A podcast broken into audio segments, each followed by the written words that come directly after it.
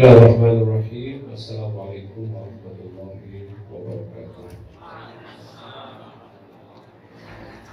الحمد لله رب العالمين.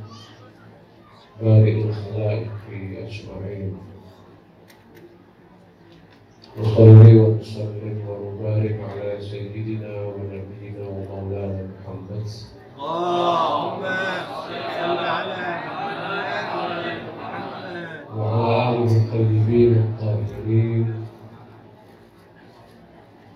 واللعنة الدائمة على أعدائهم إلى قيام يوم الدين صلى الله عليك يا رسول الله. صلى الله عليك يا نبي الله. صلى الله عليك يا حبيب الله. صلى الله عليك وعلى أخيك. وابنتك فاطمة الزهراء.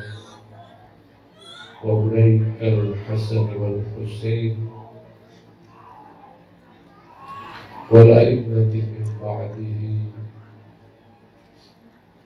الطيبين الأكرمين. صلى الله عليك يا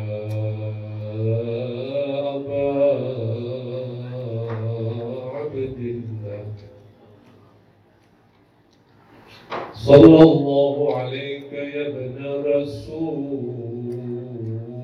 الله. صلى الله عليه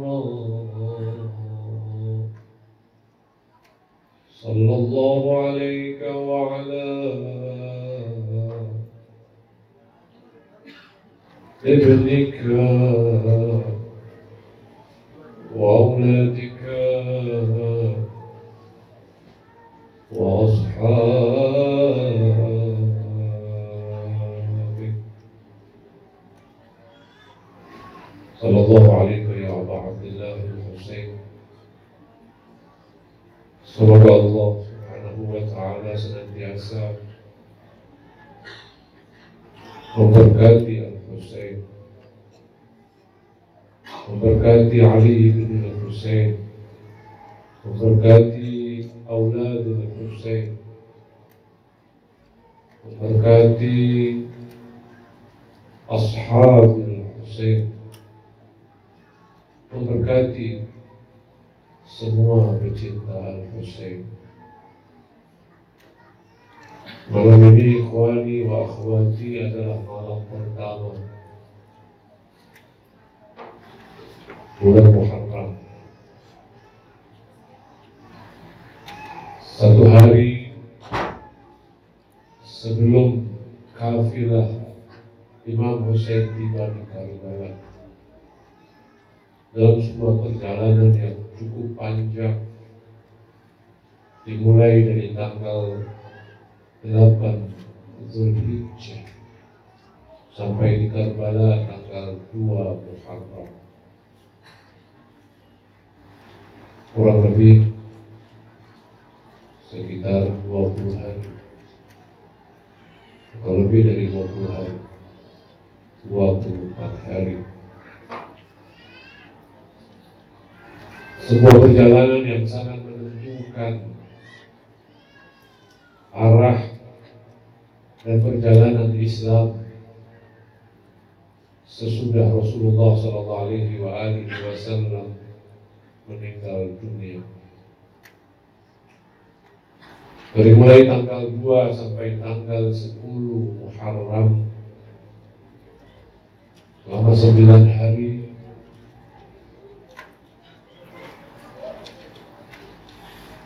Sejarah mencatat banyak hal yang dapat kita pelajari. Selama 9 hari itu Al-Imamul Hussein alaihi salatu wassalam banyak memberikan pelajaran kepada kaum muslimin sepanjang masa melalui khutbah-khutbah beliau. Khususnya kepada orang-orang yang memerangi beliau. Melalui kalimat-kalimat yang beliau ungkapkan. Dan tentu puncaknya ada pada pengorbanan yang dilakukan oleh Imam Hussein serta keluarga dan sahabat-sahabatnya pada hari ke-10 Muharram. Buat orang-orang yang beriman, buat orang-orang yang memiliki hati nurani, buat orang-orang yang mendahulukan kejujuran. Apa yang terjadi di Karbala adalah sebuah peristiwa yang punya makna yang memberikan pelajaran teladan contoh yang luar biasa bagi kehidupan umat manusia sepanjang zaman. Buat para pecinta keluarga Nabi Sallallahu Alaihi wa alihi Wasallam, hari-hari Muharram dimulai dari malam ini sampai pada hari ke-10 ke-11 bahkan sampai hari 20 Safar hari Arba'in. Itu adalah hari-hari yang sangat memberikan pelajaran yang luar biasa bagi yang mengangkat ruh dan jiwa kita. Yang memperkuat iman serta kesetiaan kita kepada kebenaran. Yang semakin memperkokoh keyakinan kita akan kebesaran Allah, keagungan Allah dan kebenaran Islam ini serta ajaran ahli bait Rasulullah sallallahu alaihi wasallam. Oleh karena itu ikhwan dan akhwat tergantung pada kita semua tentu saja. Hendaklah kita jadikan 10 malam, 11 malam, 12 malam mulai dari tanggal 1 malam ini sampai nanti tanggal 10 dan 11 atau bahkan sampai tanggal 13 kita jadikan betul ini sebagai madrasah buat kita. Mengambil pelajaran dari peristiwa Karbala. Hadir di majelis-majelis al-imam. Hadir, di majelis-majelis al-Husain kalau bisa tidak satu malam pun luput dari kita terlepas berapa waktu, berapa lama kita bisa hadir di majelis-majelis Karbala, tapi upayakan setiap malam di bulan Muharram ini kita hadir.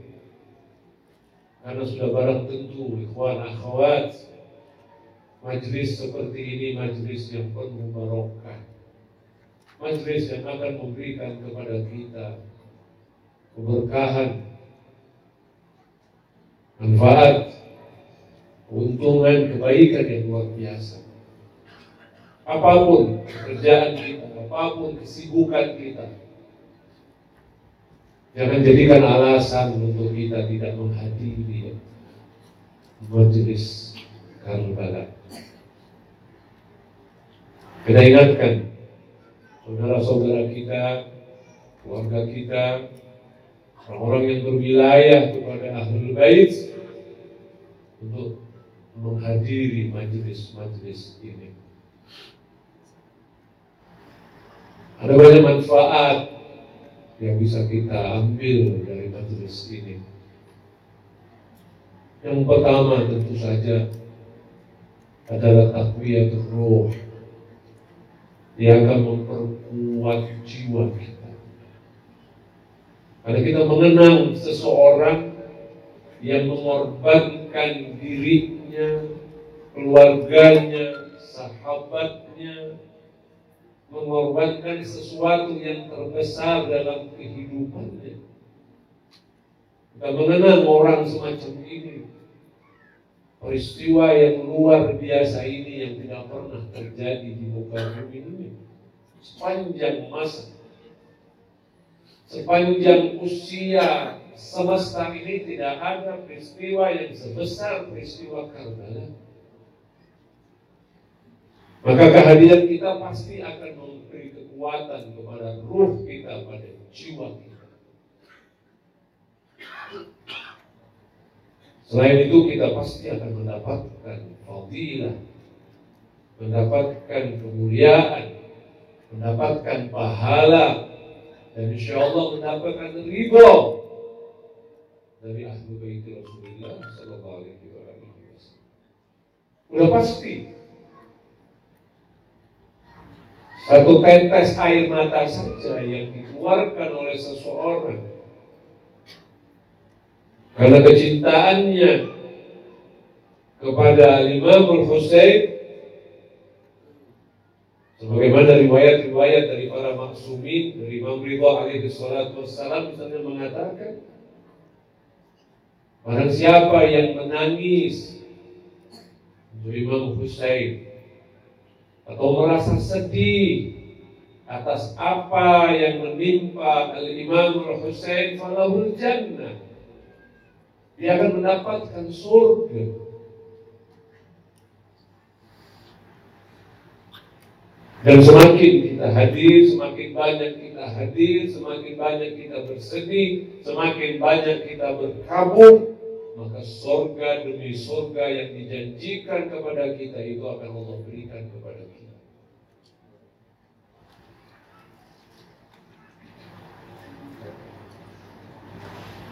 Akhwan akhwati banyak pelajaran yang bisa kita ambil.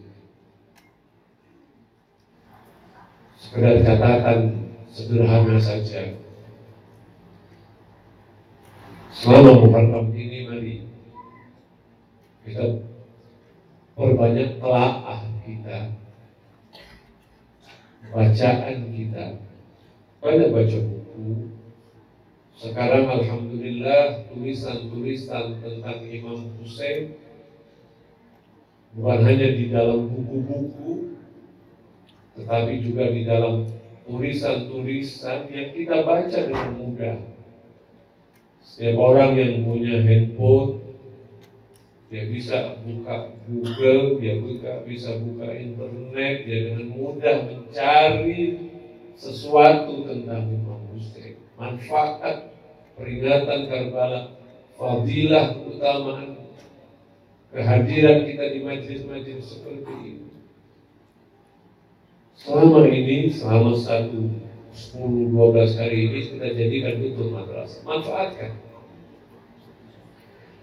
Ada banyak yang bisa kita peroleh selama hari-hari Muharram ini. Bapak-bapak, ibu-ibu bisa lebih jauh tahu lebih jauh tentang apa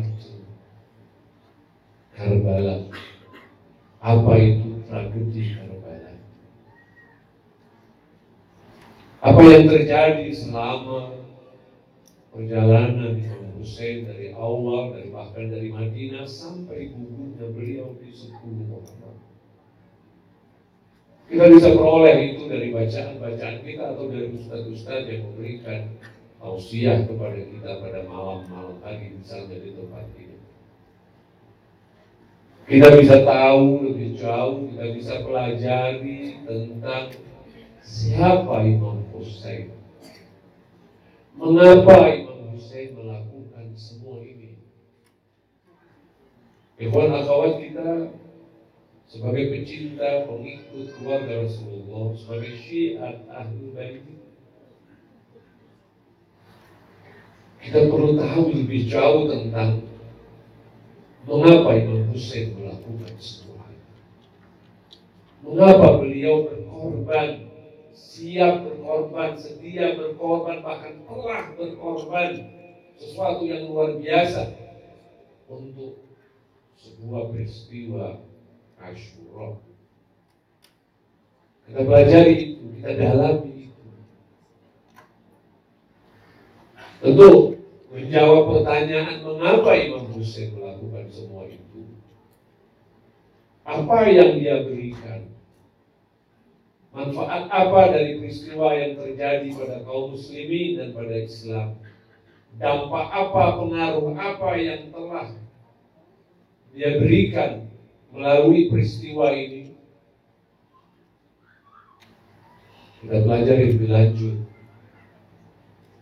Karena tidak mungkin sebuah peristiwa ini tanpa punya makna, tanpa punya dampak. Mengapa semua itu terjadi? Kita bisa pelajari tentang situasi dan kondisi dari sisi sejarah, dari sisi sosiologis, apa yang terjadi pada hari-hari itu atau pada tahun-tahun itu.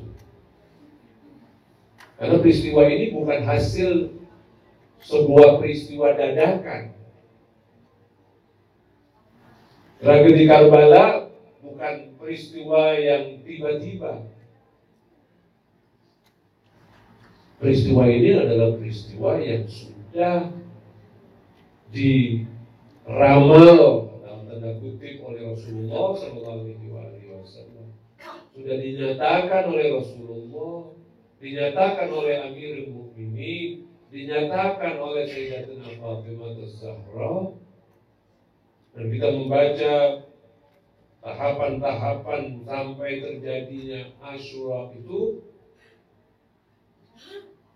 apa yang terjadi pada umat saat itu mengapa? Ada apa? Kita juga bisa ketahui melalui telaah kita pada peristiwa Karbala ini tentang siapa itu Bani Umayyah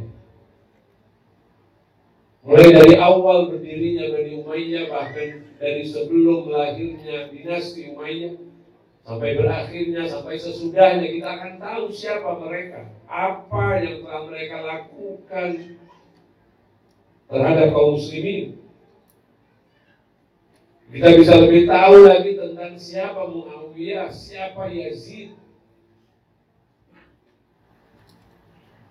Kita bisa tahu tentang siapa Ahlul Bait, siapa Ashabul Husain. Ikhwan akhwat sekali lagi di malam pertama ini saya ingin mengingatkan kita semua mari kita manfaatkan betul 10, 12 sampai 15 hari di bulan Muharram ini untuk memperkaya jiwa kita, pengetahuan kita, انتهى الإمام الحسين عليه الصلاة والسلام. صلى الله عليك يا ابن رسول الله. صلى الله عليك يا أبا عبد الله. صلى الله عليه وعلى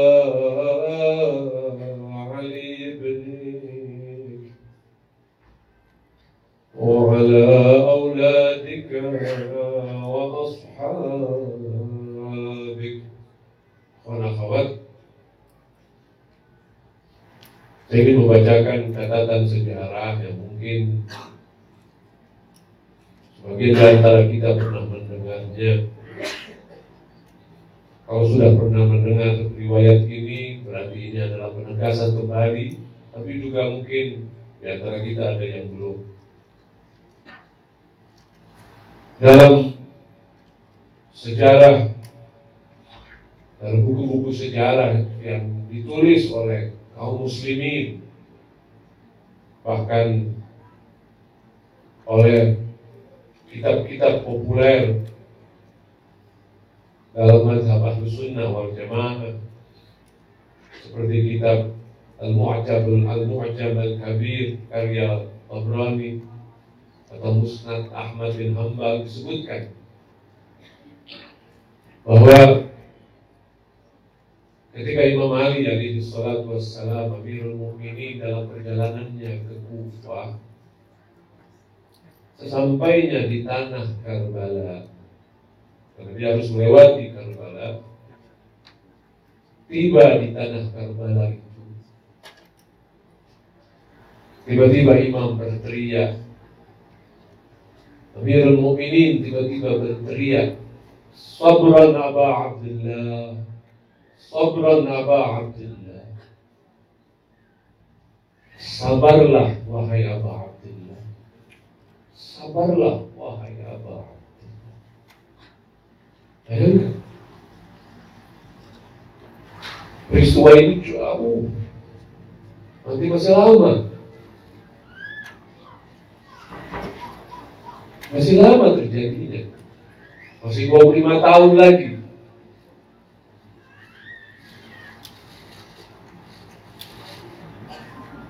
Sahabatnya bertanya kepada Amirul Mukminin, "Mana Abu Abdullah?" Apa yang kau maksudkan wahai Amirul Mukminin dengan kata Abu Abdullah?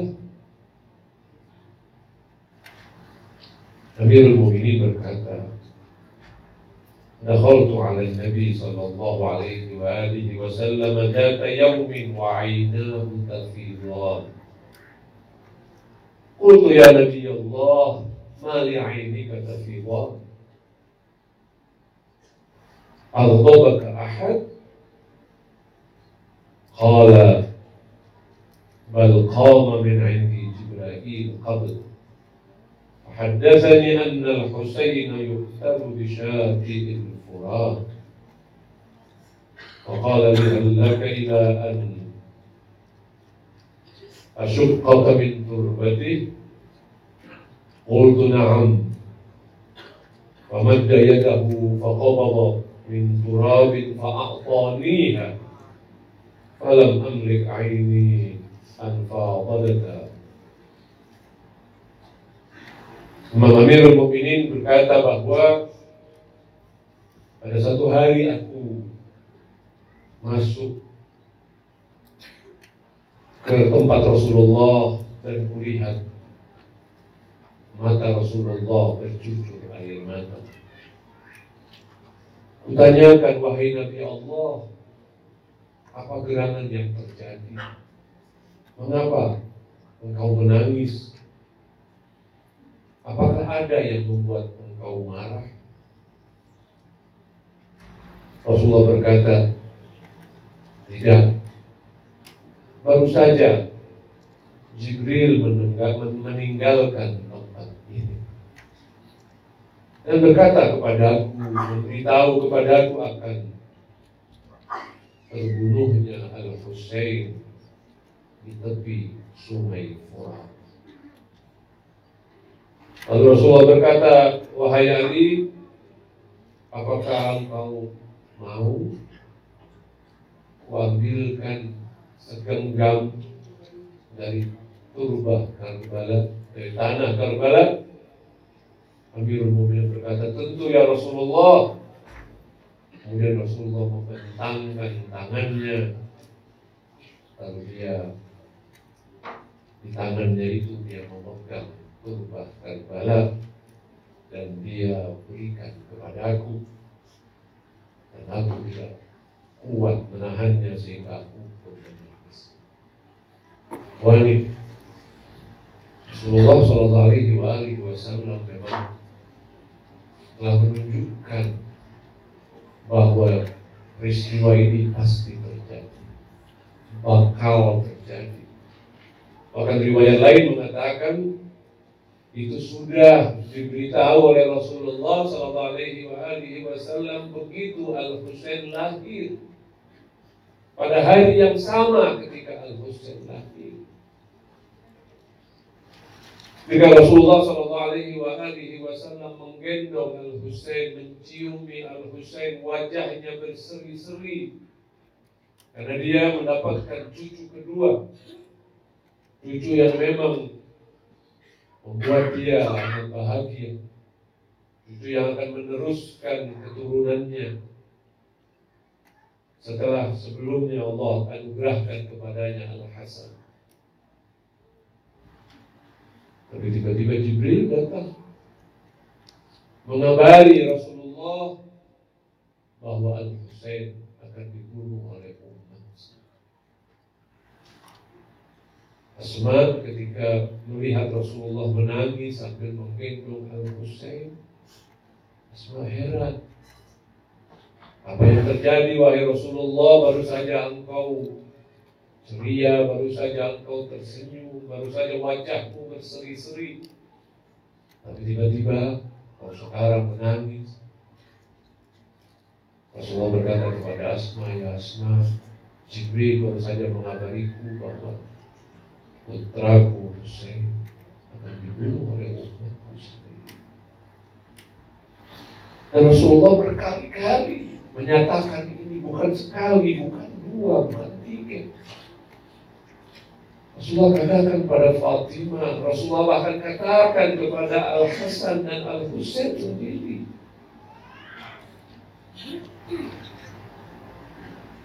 Sesuatu yang sudah diketahui oleh keluarga Rasulullah Shallallahu Alaihi Wasallam. Bahkan Ummu Salamah, istri Rasulullah, diberikan oleh Rasulullah sebongkah tanah yang kemudian disimpan di dalam botol dan Nabi Muhammad Shallallahu Alaihi Wasallam memberitahu kepada Ummu Salamah, wahai Ummu Salamah, jika suatu hari engkau lihat tanah ini berubah warna menjadi merah, maka ketahuilah olehmu bahwa putraku Al Husain terbunuh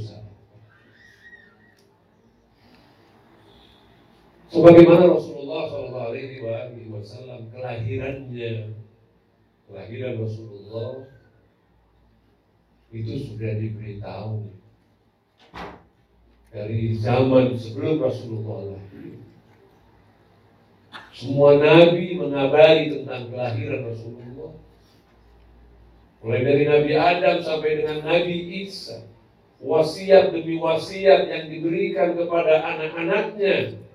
Kepada nabi-nabi sebelum Nabi Muhammad satu persatu para nabi itu diberitahu akan kelahiran Rasulullah. Bahkan kaum Yahudi tahu akan kelahiran Rasulullah. Tentu ini bukan sesuatu yang tidak biasa. Ini sesuatu yang lazim dalam ilmu para nabi. Rasulullah pun menceritakan akan Al-Husain. Kenapa? Karena ini adalah peristiwa besar. Peristiwa yang harus mendapatkan perhatian. Harus mendapatkan perhatian oleh kaum muslimin. Jadi bukan sembarang peristiwa. Oleh karena itu ikhwan akhwat dalam catatan para keluarga Rasulullah Shallallahu Alaihi Wasallam. Zainab misalnya menggambarkan kepada kita Zainab putri Al Imam Hussein eh, saudara Al Imam Hussein itu putri Imam Ali adik dari Imam Hussein menggambarkan tentang peristiwa ini ketika saudaranya Hussein terbunuh di padang Karbala. Dan Zainab melihat As-Sajjad, melihat Imam As-Sajjad, melihat Imam Ali Ibn Hussein dalam suatu kondisi yang sangat menggenaskan. Imam Sajjad, Imam Ali Zainal Abidin sangat terpukul, sangat sedih. Karena beliau adalah saksi mata akan terbunuhnya ayahnya, terbunuhnya saudaranya, terbunuhnya sepupunya, terbunuhnya keponakan-keponakannya. Imam saja menyaksikan satu demi satu apa yang menimpa mereka. Puncaknya adalah ketika Al-Imam. Beliau tidak bisa membuat apa-apa. Sangat menyedihkan. Zainab berkata kepada Al-Imam Sajjad dengan mengatakan, La yuj'annaka mata. Wahai Sajjad, wahai Imam Ali Ibn Hussein, jangan sampai apa yang engkau lihat itu membuat engkau sedemikian sedihnya. Atau jangan sampai membuat engkau itu sampai dapat membuat engkau meninggal dunia. Demi Allah, kata Zainab. Sesungguhnya apa yang engkau saksikan, apa yang terjadi pada hari ini adalah sesuatu yang sudah dinyatakan oleh Rasulullah, kakekmu, sudah dinyatakan oleh ayahmu, dan sudah dinyatakan oleh pamanmu Al-Hasan. Ketahuilah olehmu wahai Ali. Allah subhanahu wa ta'ala telah mengambil janji dari sekelompok orang segolongan orang dari umat ini yang tidak diketahui. Orang-orang khusus yang tidak dikenal oleh para Fir'aun muka bumi ini. Tapi orang-orang ini dikenal oleh penduduk langit. Wahai Ali, jangan engkau khawatir. Orang-orang ini yang akan menghimpun anggota-anggota tubuh yang sudah tercerai berai. Mereka yang akan menguburkannya. Mereka yang akan menguburkan tubuh-tubuh yang berkaparan ini. Mereka juga akan membuat tanda bagi kuburan ayahmu Sayyidus Syuhada. Kuburan yang tidak mungkin akan kehilangan tandanya. Yang tidak mungkin akan tidak diketahui. Kuburan yang akan diketahui tidak akan tidak akan tidak diketahui sepanjang malam dan siang meskipun para pimpinan-pimpinan kafir dan para pengikut-pengikut kesesatan berusaha untuk menghapusnya dan membumi hanguskannya, menghilangkannya. Semakin mereka berusaha untuk menghilangkan tanda-tanda atau menghilangkan makam ini, maka makam Hussein akan semakin tampak dan menculat. Dan sesungguhnya urusan Al-Hussein akan semakin Zainab tahu persis. Imam Ali Zainal Abidin juga tahu persis. Tapi tentu saja sebagai manusia yang normal, sebagai insan, dia sangat terpukul. Apa yang dikatakan oleh Zainab benar adanya. Maka Imam Hussein Tempat di mana Imam Hussein dikuburkan. Saat ini dunia bisa menyaksikan betapa semakin hari semakin dikenal. Semakin hari semakin ramai pengunjung. Khususnya nanti di Arba'in misalnya, jutaan manusia dari seluruh dunia datang berziarah kepada Imam Hussein hanya ingin mengucapkan Assalamualaikum ya Allah. Hanya ingin mengucapkan itu. Ada yang datang puluhan kilo dalam kaki, puluhan kilometer, ratusan kilometer bahkan. Membawa bayi-bayi. Hanya mengatakan Assalamualaikum. Ya Sejarah mencatat ya, kami akhwati. Oh, pada masa-masa tertentu, pada masa-masa tertentu di zaman Bani Abbas, khususnya kalau nggak salah di zaman Mutawakil, itu makam Imam Hussein pernah dihancurkan. Mereka menghalangi, melarang siapa pun yang berziarah. Orang-orang yang berziarah kepada Imam Hussein bukan sekarang saja. Sejak hari pertama Imam Hussein syahid, itu mulai datang berziarah. Jabir bin Abdullah, sahabat Rasulullah adalah salah satu contoh yang datang persis pada hari Arba'in. Semua datang untuk ziarah kepada Imam Hussein. Bahkan pada zaman Abu Tawakil misalnya,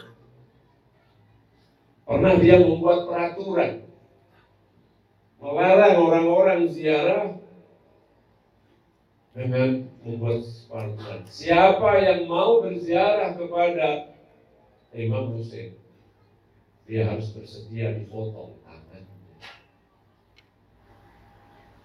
Para pecinta Imam Hussein dikabarkan ada seorang yang datang ke sana dengan tangan yang terputus. Satu tangan Ketika ditanya, engkau mau ke mana? Dia bilang, aku mau ziarah. Dia bilang, nggak boleh. Seorang wali mengatakan, aku tahu. Ini ada tanganku sebelah lagi, ambil potonglah tanganku asal aku biarkan aku ziarah kepada Allah. Ya,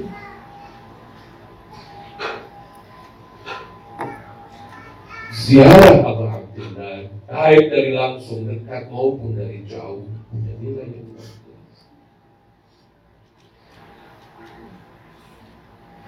Imam Hussein terus akan menjulang namanya akan semakin dikenal. Dan itu adalah janji Allah Subhanahu wa taala. Bahwasanya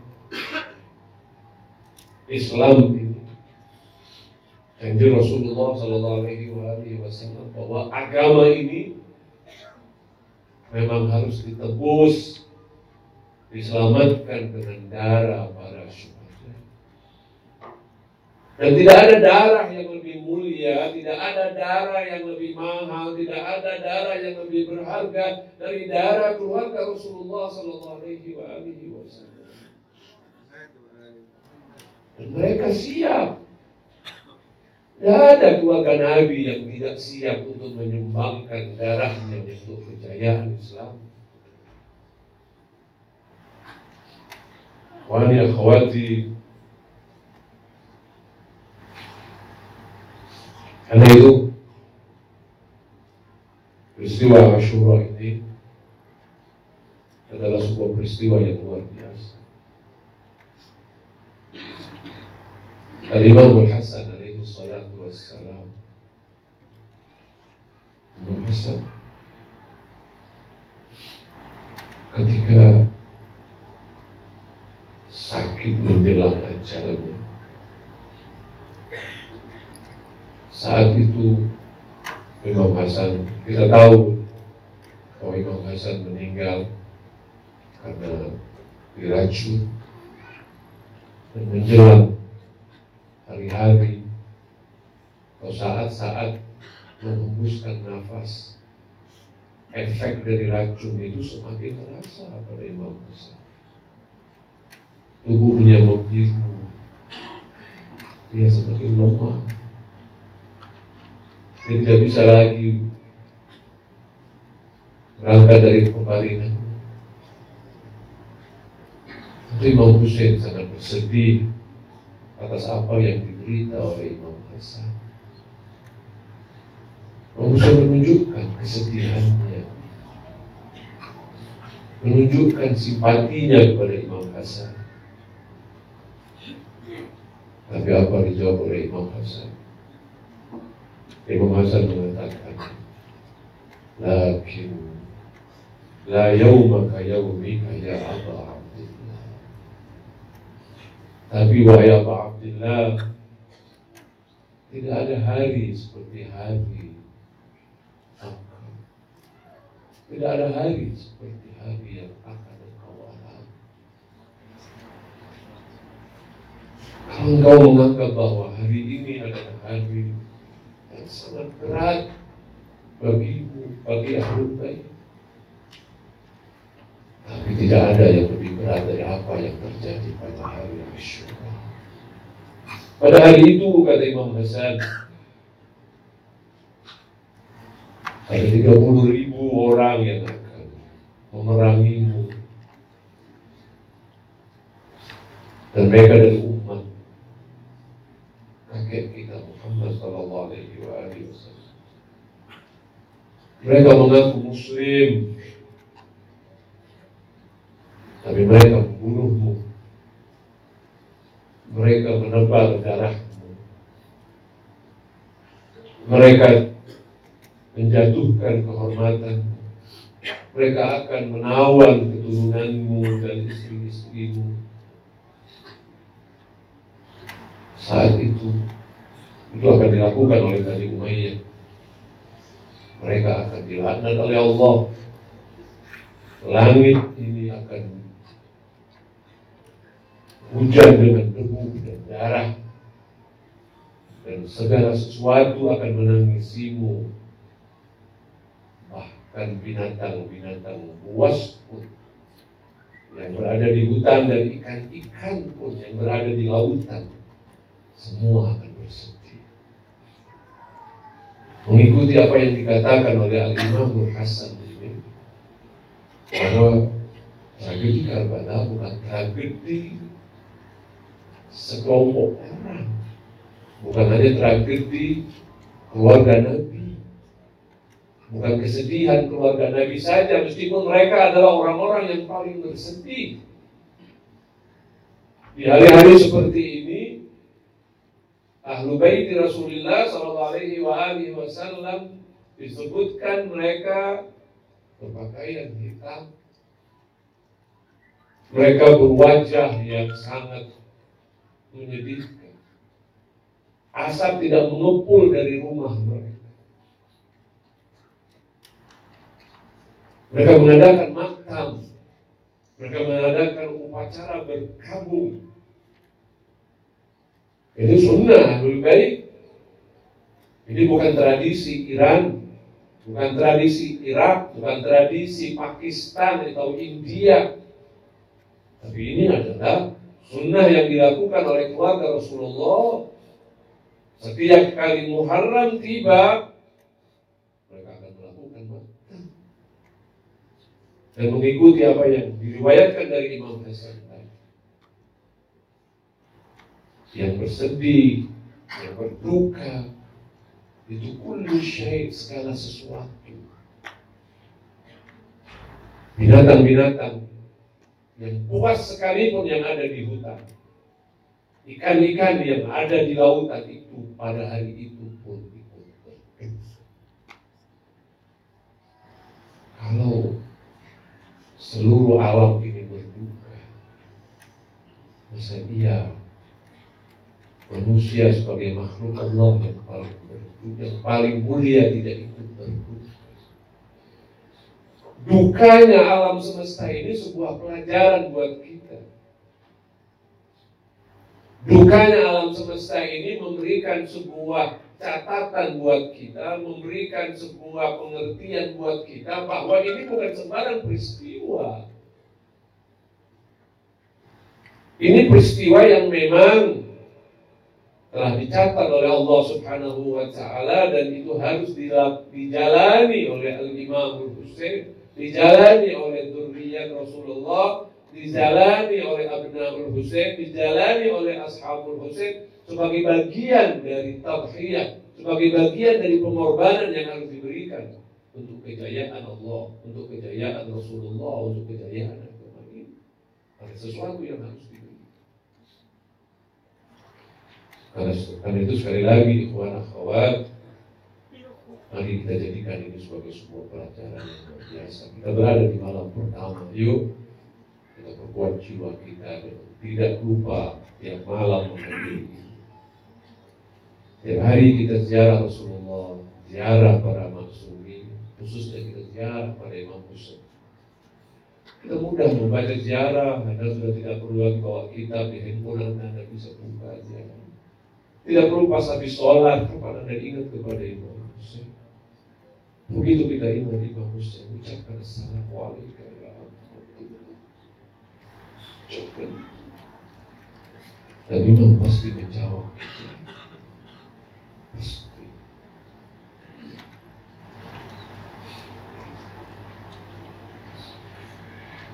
Di salah satu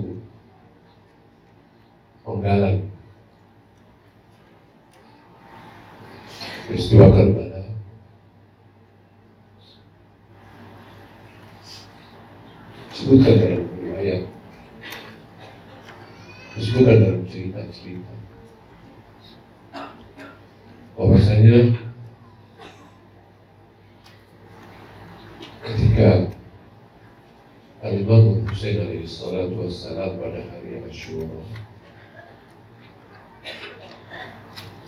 ketika dia harus menghadapi lawan-lawannya itu. Imam Hussein alaihi salatu wassalam menuju ke medan perang. Dan setelah balik lagi ke kemah, apa-apa. Dia masih ingin membesarkan hati putri-putrinya. Dia pulang, dia masuk kembali lagi ke Karbala ke kemah itu bukan karena dia ingin istirahat. Tapi dia ingin tahu bagaimana keadaan putri-putri. Dia sepi. Memang tahu apa yang bakal terjadi ketika dia nanti apa yang akan terjadi pada putri-putri ini. Karena itu dia pulang ke ingin melihat mereka, ingin melihat supaya ingin bertemu lagi dengan saya. Bahkan disebutkan pada malam Asyura, ketika orang sudah berhenti, sepi ini malam-malam, penjaga dari pasukan Imam Hussein Salah seorang sahabat Imam Hussein kemudian melihat Imam Hussein keluar dari tenda. Imam Hussein keluar dari tenda. Dia lihat Imam Hussein kemudian mengelilingi tenda Al-Bait. Dikelilingi sambil membungkuk-bungkuk. Mengambil sesuatu ada batu-batuan dia ambil. Dia bersihkan sekeliling kemah itu. Batu-batu yang mungkin tajam. Dia ambil, dia tarik, dia ambil terus. Sampai sekitar kemah itu bersih. Sahabat Imam Hussein bertanya, Ya Imam, apa yang kau lakukan? Kenapa engkau mengelilingi tenda ini mengambil bebatuan itu? Mungkin mengatakan besok adalah hari di mana putri-putriku akan berlari-lari di sekitar kemah ini, dikejar-kejar oleh para musuh itu. Dan aku tidak ingin ada kaki-kaki mereka yang terinjak oleh batu-batu itu sehingga melukai kaki-kaki mereka. Yang Imam memikirkan putri-putrinya apa yang akan dialami. Kata Amirul Mukminin, sabar ya Allah, Alhamdulillah, sabar, sabar. Imam Hussein sabar luar biasa. Berat menghadapi apa yang bakal dialami oleh putri-putrinya. Oleh putri-putri, yang akan dialami oleh putri-putri Rasulullah. Kamu baik manusia-manusia terhormat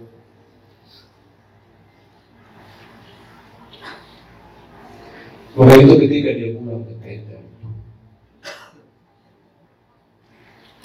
dia menemui Zainab alaihi wassalam. Zainab perlu menghadap dan tentu Zainab gembira masih melihat imam dalam keadaan. Tapi tiba-tiba Zainab memeluk Imam Hussein mencium dada Imam Hussein. Berkali-kali dia cium dada Imam Imam Hussein terkejut. Zainab, ada apa?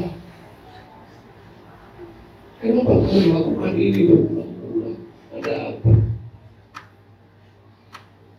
Zainab berkata, akhir Hussein. Ini adalah pelukan dan ciuman titipan dari Bunda Zahra. Zahra sebelum wafatnya berwasiat kepada aku. Meminta kepada aku putriku Zainab. Engkau suatu hari akan menemukan. Engkau suatu hari akan mengalami di mana kakakmu, abangmu, Al-Husain pada hari Ashura sendirian menghadapi lawan tolong في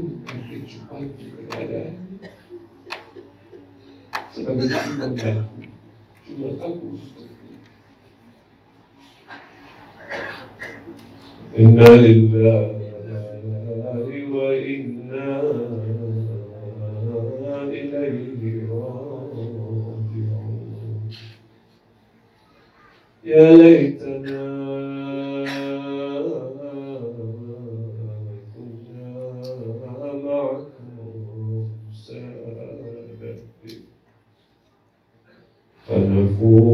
oh of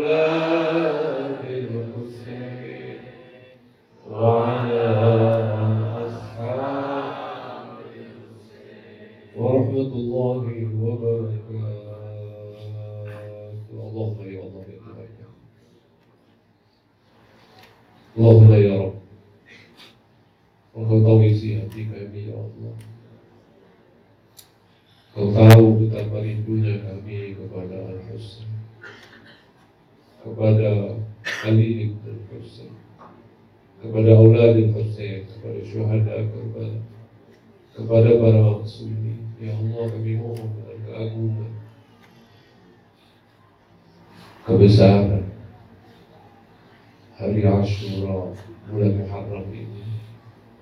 Ya Allah izinkan kami anugerahkan kepada kami kesempatan untuk ziarah kepada Imam Hussein. Izinkan kami ya Allah anugerahkan kepada kami kesempatan untuk ziarah kepada Imam Hussein khususnya ya Allah yang belum sempat ziarah sampai hari ini ya Allah catat mereka dalam daftar orang-orang yang akan berziarah kepada Imam Hussein. Berikan kelapangan kepada orang-orang yang belum memiliki kelapangan belum memiliki kemampuan untuk berziarah kepada Imam Hussein. Berikan kemudahan bagi mereka ya Allah yang sakit sembuhkan ما وهذه الزيارة في المنفوس يا الله يمكن ما سأل سيسرك وهذه الزيارة في المنفوس يا الله وبزرعك مني kepada برحمتك يا أرحم الراحمين صلى الله على محمد وعلى آله وصحبه والحمد لله رب العالمين رحم الله من قرأ الفاتحة مع الصلوات اللهم صل على محمد وعلي محمد Allahumma salli